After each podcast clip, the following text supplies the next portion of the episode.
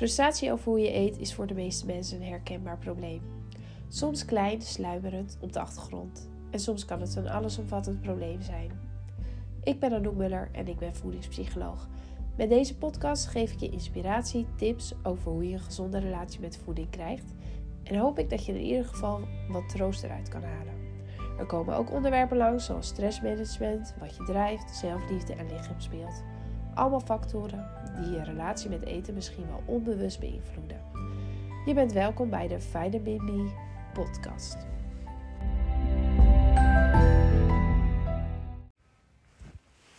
Ik zat laatst te denken dat ik natuurlijk best veel deel op mijn website en in mijn podcast over hoe mijn eigen relatie met eten enorm is veranderd en hoe slecht mijn relatie met eten was uh, vroeger.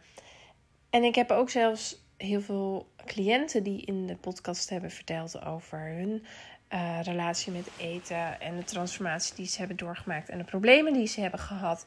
En dat vind ik ook altijd super knap dat ze dat doen. Want um, iedereen die eigenlijk bij mij begint met een traject, die, die schaamt zich. Die is er niet trots op, want iets gaat niet goed. Hè? Het eten uh, op de manier waar zij achter staan, dat lukt niet. En voor mij was er ook enorm veel schaamte op mijn eetgedrag, hoe die vroeger was. En als, ik, als je toen had verteld dat ik later gewoon op een podcast zou vertellen hoe ik at, nou dan zou ik me kapot schamen. En dan had ik nooit geloofd dat ik dat durfde. Maar nu is het voor mij niet eens een kwestie van durven. Ik schaam er helemaal niet voor, want ik zie het ook totaal niet meer als iets om je voor te schamen. En hetzelfde voor mijn cliënten. Voor mij is het ook een enorm signaal dat ze echt uh, bereikt hebben wat ze moeten bereiken op het moment dat ze het willen vertellen in de podcast. Want dan weet ik, oké, het hele veroordelen van jezelf, dat is er dus echt uit op het moment dat je je zeker genoeg voelt om gewoon te vertellen hoe, welke problemen je had met eten. Uh, als je eetbuien had of enorm um, veel angst voor eten of hoe het je hele leven beheerste.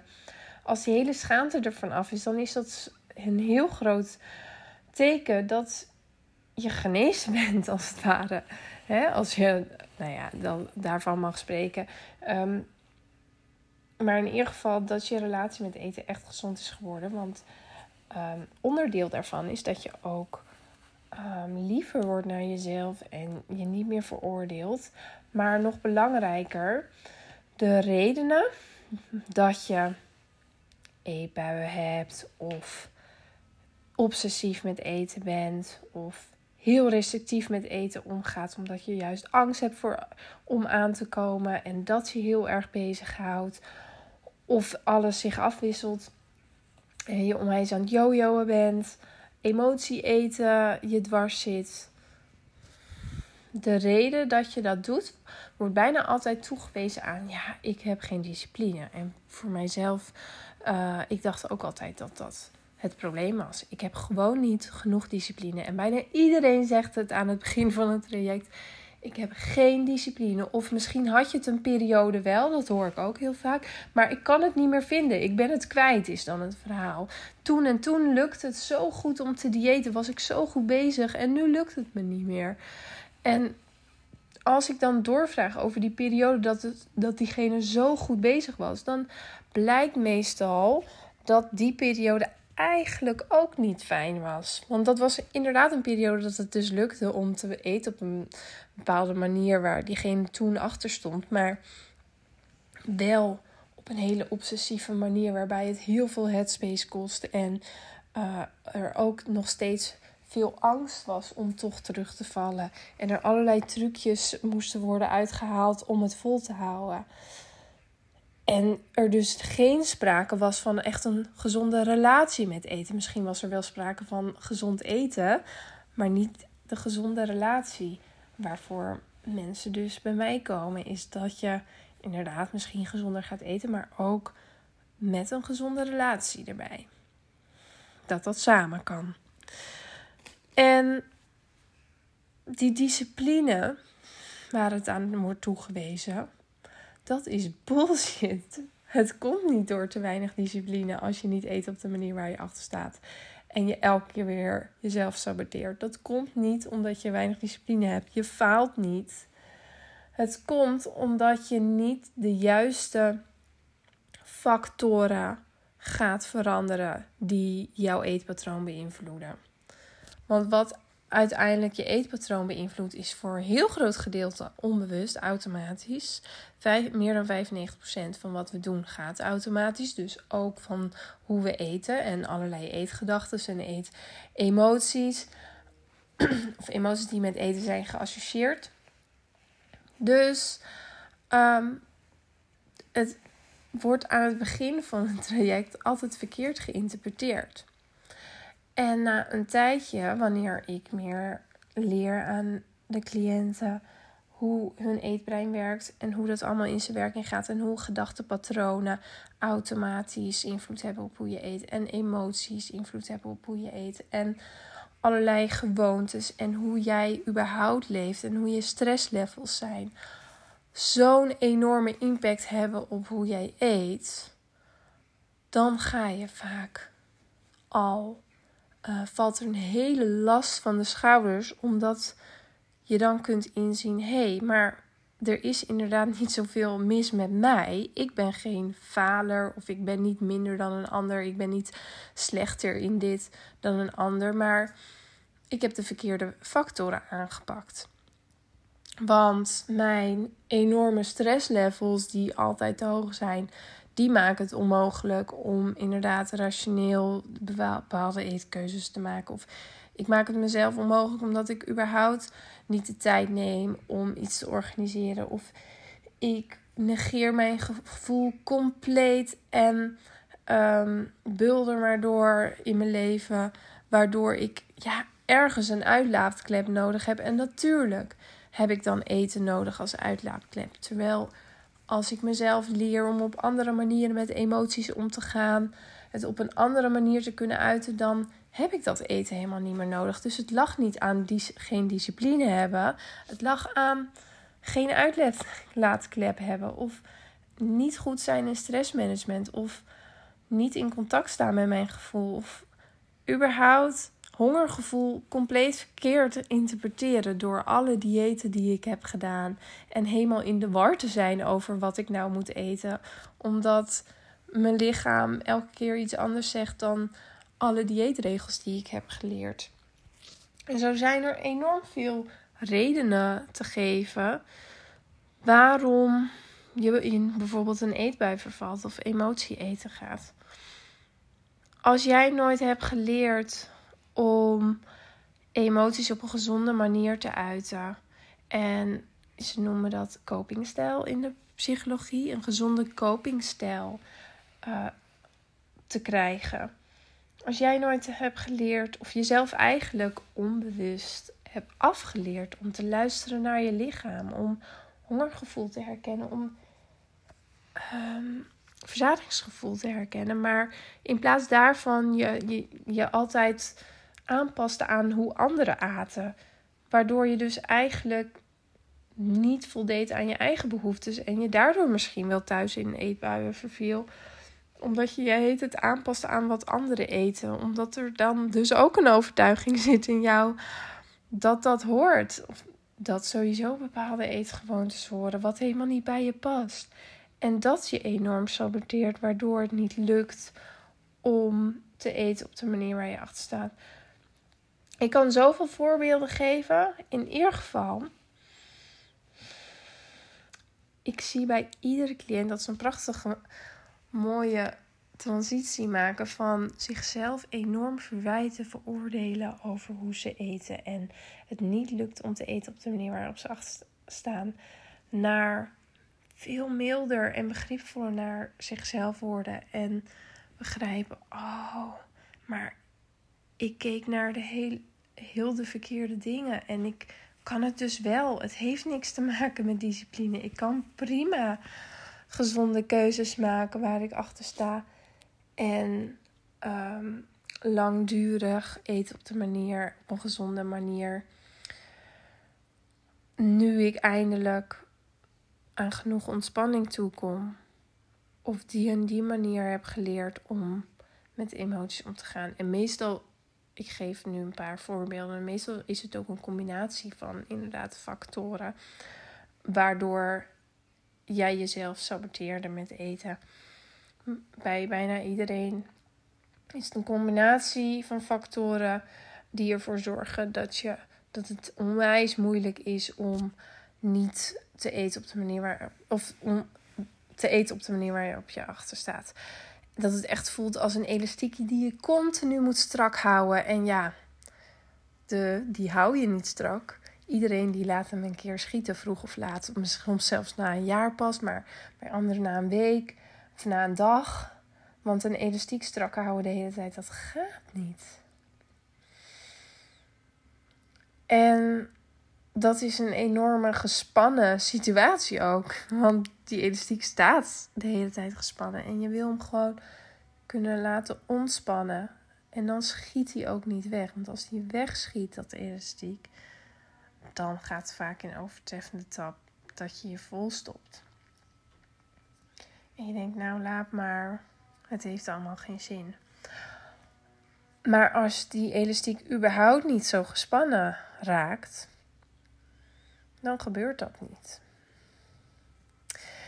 En daarom heb ik dus ook nul moeite om te vertellen over mijn eetproblemen. Ik, het valt mij wel eens op dat ook soms mensen het toch moeilijk vinden om mij ernaar te vragen. Terwijl voor mij is het helemaal geen beladen onderwerp meer. Waar het vroeger echt wel was hoor. Want inderdaad, er hing heel veel schaamte omheen. Maar dat zit bij mij totaal niet meer. En ik snap dat voor anderen dat wel zo is. Omdat de meeste mensen nog steeds het zien als... Dat is iets waar je dan in faalt. Of dat je geen discipline hebt. En dat is mijn soort van geheim. Hoe ik het vroeger ook een beetje geheim hield. Want je wil graag goed zijn en, en je best doen en uh, er leuk uitzien en um, aan de verwachting voldoen met je baan, met je studie. En uh, naar de buitenwereld toch het idee geven dat je het allemaal op orde hebt. En als je dan dat hele eetgedoe niet op orde hebt en je jezelf s'avonds bijvoorbeeld volstopt, ja, daar ben je niet graag open over. En vroeger was dat ook mijn allergrootste geheim. Maar nu is dat compleet weg. En ik vind het dus ook helemaal niet ergens mensen daarover vragen. Ik wil er prima over vertellen hoe dat bij mij ging. Ehm, want ik wijd het totaal niet aan karakter of dat ik faalde meer. Ik, ik wijd het aan dat ehm, de situatie in mijn leven toen niet mij voldoende vertrouwen en, en bescherming gaf. En ik uh, enorm onzeker was en ik niet wist hoe ik om kon gaan met die emoties. Ik sowieso mijn emoties nooit aan iemand durfde te uiten. Dus dan werd eten mijn ding om met die emoties om te gaan. En zo zijn er nog een aantal factoren die mijn eetproblemen enorm voeden. Leuke woordspeling. Dus um, ja, en ik zal misschien wanneer ik weer een podcast maak over een ander iets aspect van eetproblemen, zal ik daar weer meer over vertellen. Maar um, ja, ik kan nu heel goed zien uh, waarom ik het nodig had. Eetbuien bijvoorbeeld nodig had, maar ook het diëten nodig had. En nu er heel veel factoren zijn opgelost en uh, is die behoefte er niet meer. En heb ik het niet meer nodig en is het er als vanzelf ook niet meer. En begrijp ik dus heel goed, wacht even, het zei niks over mijn karakter. Het zei niks over hoeveel waard ik ben, over hoe gedisciplineerd of goed ik ben. Het zei daar helemaal niks over. Het was eigenlijk grotendeels allemaal, of misschien eigenlijk alles in eerste instantie, ging het op automatische piloot. En ik heb daar zelf nooit voor gekozen om die patronen te ontwikkelen. Maar dat is onbewust erin gekomen. En dat werden een soort computerprogramma's. En ik zelf heb jarenlang de oplossing niet kunnen vinden, omdat ik niet wist dat het daarmee te maken had. Ik zocht de oplossing vooral in: oké, ik moet toch echt beter worden in diëten. Ik moet gedisciplineerder worden. En ik denk dat 99% van de wereld voor, bij dit probleem denkt: ja, dat is de oplossing. Als jij niet eet op een gezonde manier en je eet te veel koekjes, dan moet je beter worden in diëten. Je moet gedisciplineerder worden. Hup, schop achter je kont. En zo zag ik het ook. Maar pas veel later kwam ik erachter dat het met heel alles te maken had in mijn leven. Eigenlijk. Allerlei puzzelstukjes in mijn leven die hadden ermee te maken dat ik die eetbuien en het extreem diëten nodig had. Maar het had niks te maken met mijn karakter, met mijn discipline en met, mijn, uh, met hoe goed ik was. En dat geldt voor iedereen. Het heeft niks te maken met hoe goed jij bent, hoe gedisciplineerd jij bent, hoe waardig jij bent. Als je diëten niet lukken. Of als je last hebt van emotie eten, et cetera. Of als jij overgewicht hebt. Het heeft niks daarmee te maken. Het, heeft met heel, het kan met heel veel andere dingen te maken hebben. En als je met de kern van het probleem aan de slag gaat, dus al die onbewuste patronen, dan pas kun je echt voor lange termijn gaan eten op de manier waar je achter staat. En stop je met jezelf saboteren. En dan zal je merken dat de hele schaamte er ook vanaf gaat. En je je een stuk zelfverzekerder gaat voelen. Omdat je ook stopt met jezelf verwijten. Nou, dat gun ik iedereen.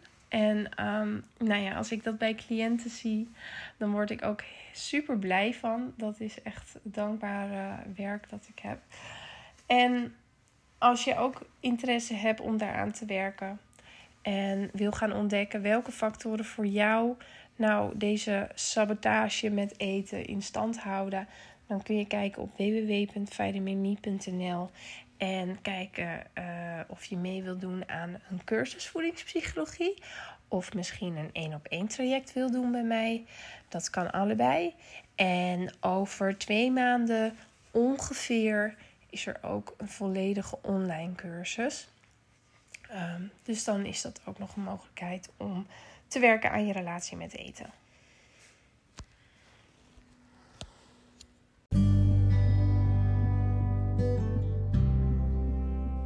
Dank je voor het luisteren naar de podcast van Vitamin B. Denk je dat deze podcast waardevol is voor anderen? Laat dan een review achter of deel hem en dan kunnen anderen het makkelijker vinden. Alvast bedankt.